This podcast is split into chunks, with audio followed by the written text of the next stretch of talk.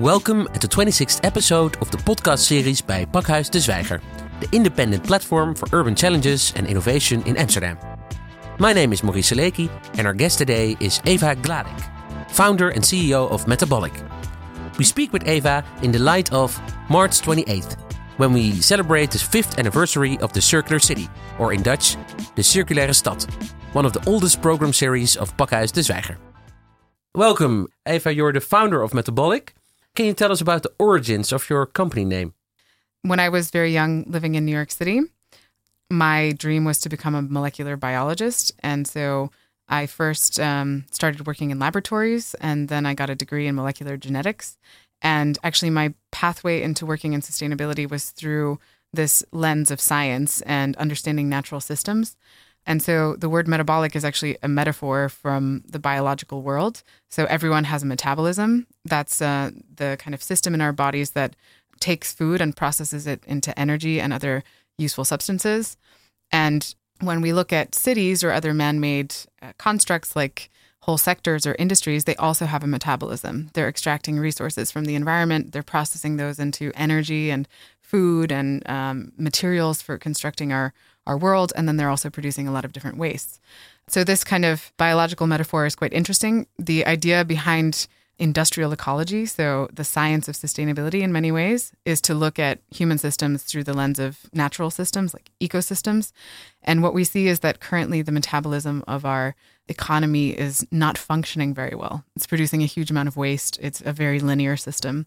So we look at how to fix it, how to basically make it more circular. Can you tell us more about what your company does? Yeah. So we have one mission with Metabolic, which is to transition the global economy to a sustainable state.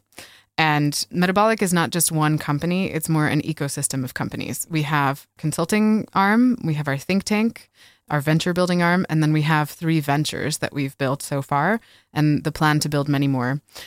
With our consulting arm, we are working half with cities and the built environment, and the other half with high impact industries like agri food, chemicals, finance, and manufacturing.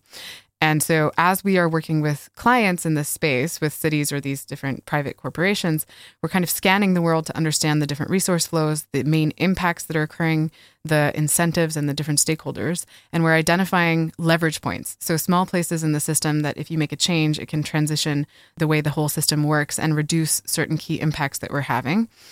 And so, as we identify these leverage points, we also take action on some of them. So we build projects, or we uh, develop, do our own R and D, and develop technologies. And the ones that are successful, we scale into ventures, into companies. So we're continuously adapting and responding to what we see in the world around us to figure out how can we, as a small group of people with limited time and resources, have the biggest effect possible on creating this transition.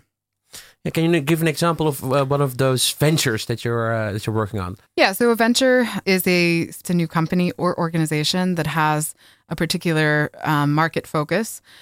We have three ventures currently. So one of them is called Spectral, and it's an energy company, and they're specialized in building software and hardware to create the energy transition. Really focused on the Netherlands right now. So they install advanced smart grids. They built a project called the Jouliette, which is the first blockchain based energy currency that uh, they deployed at the Ceuvel as a, as a test project, and now they're scaling it up in Groningen.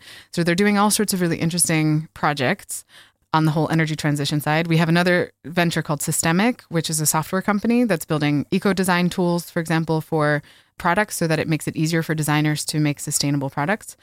And we have our foundation, which is actually a nonprofit venture that is um, helping with the taking all the knowledge that we're developing here in the global north on sustainability and helping transfer that to the global south. So, working primarily with poor urban communities and slums and um, in other underserviced environments and empowering them to create their own solutions for environmental challenges.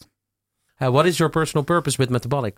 I mean, it's pretty much the same as the company purpose. I have a huge personal intrinsic motivation to create this transition to sustainability because I feel that unless this is, you know, I guess I was, when I was growing up, when I was a, a kid, before I decided to be a biologist, um, because that was something that fit kind of the responsibility rec- uh, requirements of my parents and my own interests.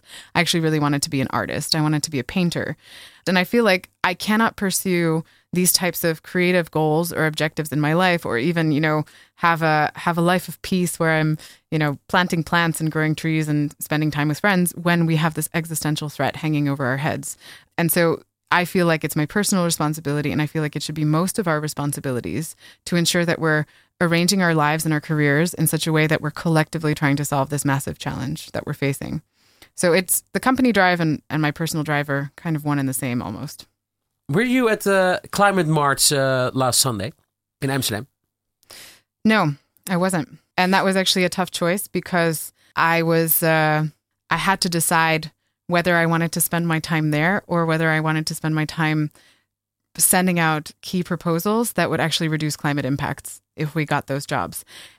A lot of people from our team were there, and I was there in spirit, even though when I saw the weather, I was like, okay, well, actually, I'm really not that sad. But, um, but yeah. And I think that that honestly, that's a kind of question of prioritizing that sometimes I have to make. Of course, you're the CEO of, of a company, so you have other responsibilities also. But hey, obviously watched the, the climate march and uh, you were in, involved and engaged. Are you hopeful if you see uh, if you see like a physical manifestation uh, of that size in the Netherlands at this point? I think it's great. I mean, obviously the climate march this year I think was was a record size despite the weather. And it seems like there is this renewed energy that a lot more people are paying attention to what's going on and demanding change. So I think I, well, I am very hopeful. You founded Metabolic in 2012. I guess you're a millennial. Yeah. sort of, uh, the millennial generation. Um, no, I'm definitely in the millennial yeah. frame. uh, do you think that uh, the millennial generation has a special responsibility tackling all these global challenges that we're facing uh, nowadays? Um, why would they? some some people are saying that the millennial generation is the the last generation that can make a difference. Uh, and if, if they're not acting now, then Generation uh, Z will not be able to come up with new solutions. Okay. So, from that perspective, sure, I think we have a huge responsibility, and it is a special responsibility because we are running out of time for critical issues. Like, of course, everyone or a lot of people have heard that the new revision of the IPCC's climate report last fall stated that we now have like 12 years to figure out how to avoid the worst consequences of climate change. But at the same time, younger generations are already up and active. I mean, Greta Thunberg is out there protesting. True. And also, the older generations are still here. You know, Gen Xers and the baby boomers, they also have a huge responsibility. And also, most of them are in positions of much more power than millennials right now. So they, so I wouldn't say it's like, oh, art, like a, a cross to bear for the millennials. It's, it's a universal thing. Can you give an example of uh, a special project that you are proud of uh, at Metabolic? So, over the last seven years, we've done something like 400 projects, and I am proud of the vast majority of them. So it's kind of hard to single them out. You know, different ones we've learned extremely different things from, and it's almost like you're continuously building this tower where your your previous experience you're adding on top of, and all of that. The Ceuvel, despite the fact that it's something that has been like trotted out many times and it's it's a long time ago. It's it's one of the core projects in our history. So building this whole neighborhood in Amsterdam North as a circular economy showcase. It's still one of the most important and influential projects that we've ever done and that has been very transformative for me personally because of the huge amount of investment and and the challenges and the learning that happened through that.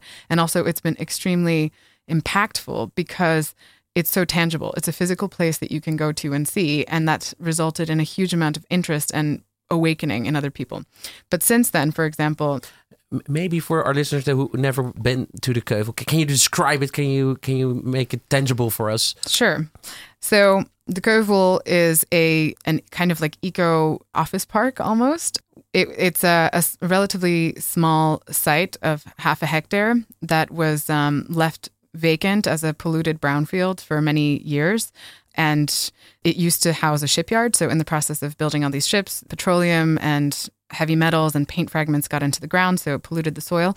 The city bought it with the intention of developing it into housing eventually, or that, that's at least the assumption a lot of people have. And during the financial crisis, there was nothing really going on in Amsterdam North, which is this larger post industrial area. The Brooklyn of Amsterdam. Kind of the, yeah, definitely the Brooklyn of Amsterdam. And so the city made this bold move to open up that property for a 10 year lease to anyone who could come up with a really great sustainable idea for how to use it. Except the challenge of it was that, okay, it's polluted and also you only have 10 years. So you need to make a business case that will work for that 10 year period. So a group of architects got together and came up with this really pretty brilliant plan of upcycling old houseboats. So there's a lot of houseboats in Amsterdam. Many of them are really rickety and need to be thrown away and demolished. And so instead of having them demolished, we we decided to buy them at really low cost and eco retrofit them and crane them onto the land to create a kind of instant set of buildings. Well, it wasn't quite instant since it took so much effort, but so this was the idea with the project and Metabolic was really involved from the sustainability and circular economy side. So we did the engineering for all the resource management, so the various utilities like uh, water, energy, sanitation, looking also at the material use in the buildings and how to do that as optimally as possible. And of course, we built our own building that we financed ourselves. So we also helped finance the project in that sense by making it feasible. So we built Metabolic Lab, which is this like three building complex where we have a showcase of different urban resource flows, where we collect, for example, urine separately from feces and we can turn it into struvite, which is a fertilizer. We have a greenhouse on top of the two buildings on the ground floor where we can produce food for the cafe on site that's running on an aquaponics system. And so there's all sorts of different tests and experiments that we've applied in that space. And the whole point of it was to really demonstrate that you can build sustainably without having huge costs, to also show people that these different resource flows in the urban environment can be dealt with in a different way, in a more circular way, where we're getting value out of all these different resources continuously. And um, it's been a real success in in most ways. We we've actually, you know, there was this cafe on site which was originally planned to be this tiny little spot that would only service really the people working on uh, on the Ceuvel, but it ended up becoming much more popular and expanding. It's a really cool spot, especially obviously in the summer where it has it has like a thousand people a day coming. So anyway, it's that has gotten the Ceuvel really international attention. I think it's it's helped put Amsterdam on the map uh, in terms of the circular economy because we've been covered in like throughout Asia. I just did an interview on site at the Ceuvel with PBS NewsHour last week. So th- so there's just um, that has led to a domino effect of larger, more impactful projects. So very recently. I just got back from Charlotte in the United States. We developed a circular economy strategy for the city of Charlotte. And I've just been very impressed also by how rapidly that's progressing and how the city has really taken on the responsibility of implementing a lot of the recommendations. We're now working with the city and with a local NGO to build a kind of innovation hub for the circular economy in the city, retrofitting an old barn, which is also going to become like a physical hotspot like the Ceuvel, but for the city of Charlotte maybe because uh, we're talking about circularity, of course, but uh, maybe you can give us your specific definition of circularity. So, the basic principle behind the circular economy that's been commonly spread out online through different resources is that it's um it's an economy that is regenerative and waste free by design. So there's um an inherent focus on material cycles and closing resource loops, and there's also an inherent focus on the economy part of it. So that it's about transforming businesses and the relationship between different stakeholders in value chains and how they work together in order to um, manage these resources in a circular manner. This is kind of the, the typical starting point. And so the idea is that it's also about preserving complexity. If you have a product like a cell phone, it's better to find ways to keep that product functioning at high at its highest value as a product. And then after that, getting the components out and finally recycling as a last resort. And actually even beyond recycling you have energy recovery which is really the last resort. So you have this kind of cascade of preservation of complexity However, our definition of the circular economy goes quite a bit beyond that because even if you start with materials as your kind of focal point and your goal is to create an economy that is keeping resources cycling indefinitely, like a natural ecosystem, you know, like if you're walking through a forest, everything in that forest is getting processed by um, for the full 100%. Yeah, exactly. So that's ideally how we would design our economy. And then in theory, it would be circular, except you can see that if I take my old cell phone and I don't dispose of it carefully and it ends up in a kind of in the developing world, like in China or in India, where there's still large communities of people who are taking apart electronics by hand, using, let's say, open fires to melt off certain parts and getting really sick in the process, creating these like cancer hotspots and poisoning the groundwater. You know, technically, you're getting the materials back. That's great. But is that circular? Is that something that we would ever consider um, part of the circular economy? And the answer is obviously not. And this is an example of what we call problem shifting or burden shifting. So you've solved a material problem, you've optimized for material recovery, but you've created a new problem in health or in environmental conditions. So what we have seen over the years of doing all these different projects is that to avoid this burden shifting, you actually have to have a much more holistic framework. So even though when we're looking at circularity, we start with optimizing material cycles, we also we have seven pillars where we actually make sure that while you're doing that, you're not causing any well you're not using energy inefficiently not aggravating the climate crisis you're not using water inappropriately you're managing water cycles protecting biodiversity protecting human health and well-being protecting cultural and societal elements and generating multiple forms of value beyond just financial. So things like aesthetic value or pleasure. So making sure that we're actually getting the most out of the resources for the purpose of having a, a well functioning society. So, a really important point with all of this is to really uh, have a circular economy. We also have to fit within the limits of our planet, the planetary boundaries. So, it's not enough to just get a little bit more efficient on energy or use a little bit less land or, you know, don't cause uh, as much biodiversity damage, we really have to make sure that these key tipping points for some of these main systems are kept on budget. And so that's a quantitative element that we've really added into our definition of the circular economy, where it's a, an economy that keeps resources flowing at their highest possible value, ideally indefinitely, while not crossing planetary boundaries and supporting the flourishing of humans and other living species on the planet this is reminding me actually uh, of the system of uh, of Kate Raworth, donut economics, uh, and the donut uh, model was that an inspiration, or is this are these models actually uh, coexisting next to each other? So it's it's funny that you ask that. So the planetary boundaries and actually Kate's donut, uh, Kate's social model are things that we have used as tools for many years. Um, and we we use them actually in defining some of the base indicators that we started to include in our definition of the circular economy six or seven years ago back then, Kate hadn't yet written this book. She had uh, her donut was called the Oxfam donut, and it was back when she was working at Oxfam. So we actually dug that up out of old papers before it was even a thing, and it was one of the things that we used as a framework for defining our social indicators. So. Our original definition of the circular economy combined some of the principles in, in Kate's Oxfam donut back then and the planetary boundaries. And we put them together into then what we deemed the, well, we called the seven pillars for short. And we also have these systems parameters as part of our definition. So it's very much related. Do you think that the thinking about sustainability in cities in the last five years uh, has changed? I think so, definitely. So there has been a lot of frustration with national governments in many parts of the world, with you know a, a lot of rise of extreme leadership in some places And one of the things that people have been looking to is lower levels of government. So either provincial or in many cases cities, because cities are really such a hub of, you know, they have their own unique identities, they have large populations, then they're really able to do a lot to create transitions on their own. And as we often say in our work, the reason that half of our work is focused on cities and the built environment is that we see cities as a huge leverage point. So they only occupy 3% of the planet's surface.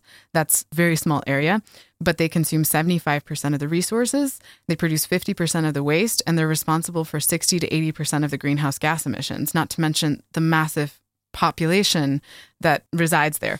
More than 50% now and two thirds uh, in about 50 years, right? Something like that, exactly. Yeah. I mean, those projections of who knows how that'll go, but it's over 50% already. Yeah. So you can have a huge effect on human well being, and you can also change the patterns of impact that we're having as people if you really start to redesign cities and think about changing the resource flows within them. And I think, especially in Europe, and uh, especially in the Netherlands, the UK, and the Nordics, there has been this real awareness of the circular economy as a model for cities to transition. And so we've been trying to bring that model and that way of thinking to other parts of the world, and that is working slowly. So that's something that we're really excited about. And I think we're using, you know, the leading examples of Amsterdam, Rotterdam, et cetera, as pioneers in that space for uh, Amsterdam because uh, you already mentioned Amsterdam is one of like a pioneering city uh, also in uh, getting more circular what can Amsterdam do more to achieve total circularity uh, on a, a city base? So Amsterdam is doing a lot. There's, you know, hundreds of uh, over 100 projects that are ongoing and I recently saw this great booklet where a lot of them were were summarized and there's a there's a big overview. The way that we work with cities in general, I think is very structured and systematic. So you have like this current state uh, analysis where you understand the current resource flows and impacts. You have a vision and KPIs, and then you have a roadmap that derives from those two. So you have your where you are, where you want to go, and then you can draw different routes. And I think there are certain additional structured activities that could support that transition even more guiding certain sectors, working on the kind of reverse logistics and infrastructure for, for waste management, some policy incentives, et cetera. So th- there's a lot of really specific things that could lead to that transition in a more accelerated way. I think there's also a lot of personal awareness among the citizens that could grow. So obviously we're within a bubble and a lot of the I mean everyone I know is fully aware of what's going on in terms of sustainability and the circular economy, but then I I run into you know like if i if i have a, a, chat with someone on the bus or in the store i realize like okay we're really in a bubble. Most of these people don't actually understand um, what those terms are. So i think some awareness building could be a big thing too. And yeah i mean there's a lot of like technical things i could get into but i don't think that's fun because you were you were talking a lot about systems and the bigger picture and, and the overhead view you need to tackle uh, this all these things I can imagine that if somebody would give you the mandate, the political mandate, and a budget, and and, and the influence and power uh, to change something, uh, let's say, uh, make you a special a special envoy to promote circularity in in this city. What would you do if Eva Gladek in Amsterdam in Amsterdam like would be the commander the in circularity? Okay, that would be really fun. So, first of all, cities are really dependent on the products that are coming into them from the outside. And that really determines a lot of the resource flows and management that you have. I would love to really take some radical steps. Imagine creating a company that is entirely owned by the citizens, where all the citizens have a share, and that company is funded with tax money and it's dedicated to creating fully circular products by the definition of, of circularity. And they're use in Amsterdam, using also as many resources as possible mined from Amsterdam. And to actually have that publicly owned company start to really transform the consumption patterns and the available resource flows into the city. And once they're tested out here, expand that to other cities. So that's one course of action.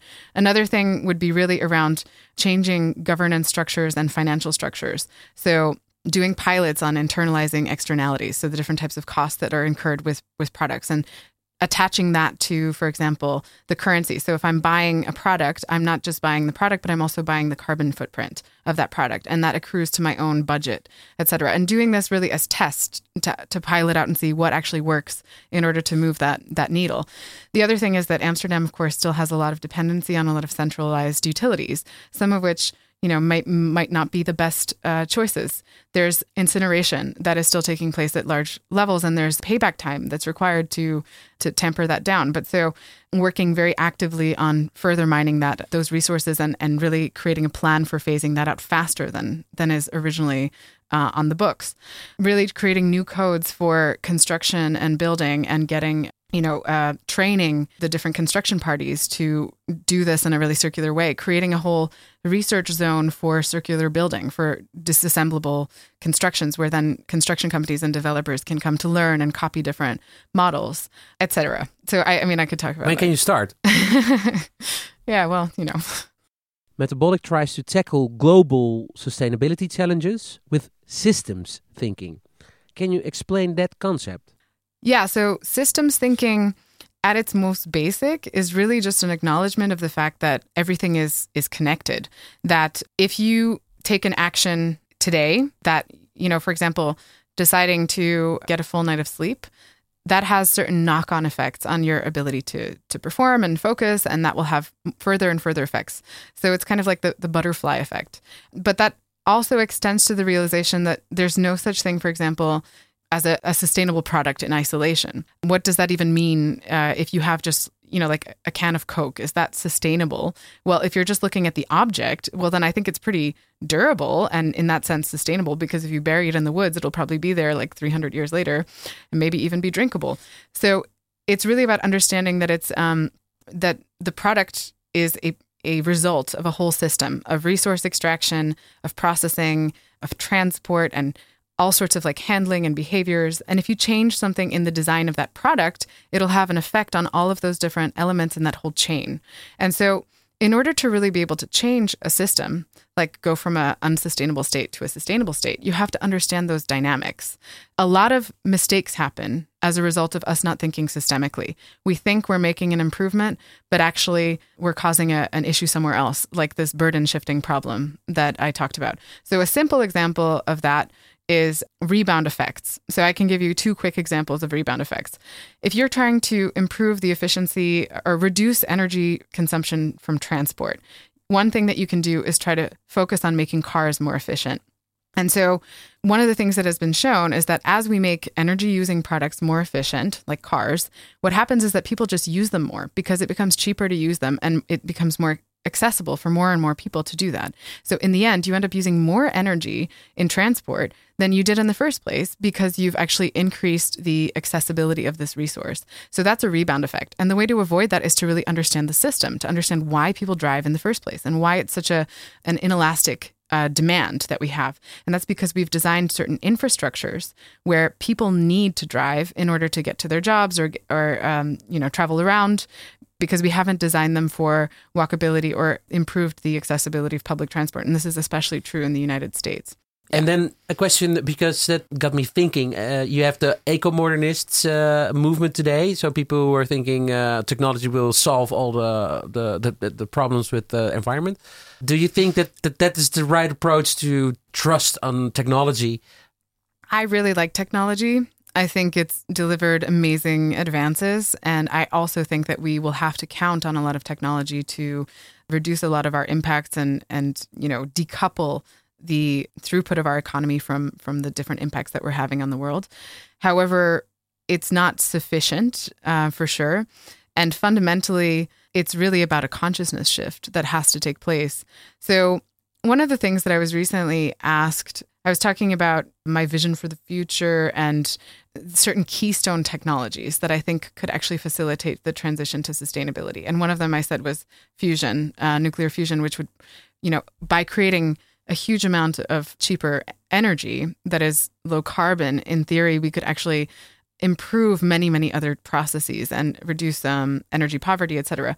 But then I went on to say that I actually think we're not mature enough to handle it because even if we had this resource right now, this this kind of access to unlimited energy, I feel like we would just go on a pillaging rampage and just try to consume everything and be like, oh, okay, now we can mine anything and now we can just, you know, process anything. It's kind of like the example of if anyone has seen Avatar, this this movie where the basic plot is kind of like people come from Earth, um, these uh, these kind of military industrialists, and they arrive on this beautiful natural planet that has these natives who are living in a treehouse and are really in contact with nature, and they're there to mine some kind of rare mineral. And in order to do that, they have to destroy this entire culture and dig up the planet and basically turn it into a crater. Yeah, it's something it's something like that, right? And so I think for us we're we're at a crossroads that we have to decide who do we want humanity to be? Do we want to be those marauding, you know, space trolls who are just going from planet to planet consuming everything in the pursuit of growth for the sake of what in the end?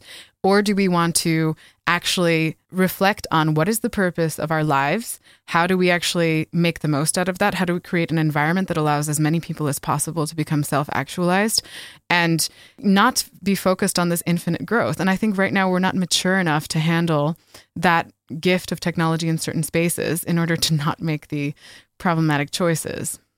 Thank you, Eva. Last but not least, do you have a closing remark? So, a lot of the time, I get asked this question of like, what can I do as a person to contribute the most to this kind of vision of a sustainable future? And I think there's many, many things that people can do. But I think the most fundamental is to really examine whether your career, what you're doing with your life, how you're spending your time, is it contributing to that future or not? So many people fall in the trap of like, getting a job at some corporation that's doing really horrible stuff and then they justify it by saying well you know i need it because i need the money and i have this lifestyle etc and i feel like if we all decided that we were not going to spend our time doing questionable activities or contributing to the advancement of those questionable activities, it would just stop. We can actually starve the system that we think is causing these problems, starve it for talent, starve it for time and attention. And I think that there's of course that's one step and I think that that's that's the biggest personal thing that people can do in addition to of course voting and being as responsible as possible with what you can uh, what you consume, although I think the systems change has to come before, you know, we can all just stop traveling by plane or having impact through products because without that systems change that requires that bigger shift and that consciousness shift, we're all going to be extremely disadvantaged in just, you know, creating huge restrictions for ourselves. So it's really that bigger piece of reflecting on how you're contributing through your life and your time to that bigger transition. Thank you so much. Eva Gladek, CEO of Metabolic. Thank you very much. Dear listeners, this was the 26th episode of the podcast series by Pakhuis de Zwijger. The fifth anniversary of the program series De Circulaire Stad will be celebrated on March 28th in Pakhuis de Zwijger, with keynotes of, amongst others, ecologist Louise Vet, photojournalist Kadir van Lohuizen, metabolic consultant Tamara Streefland, and landscape architect Dirk Seymons. For more information on this program or other programs, see our website www.dezwijger.nl. You can rate our podcast or subscribe at SoundCloud, Spotify, iTunes, or another podcast platform. Thank you for listening, and until next time.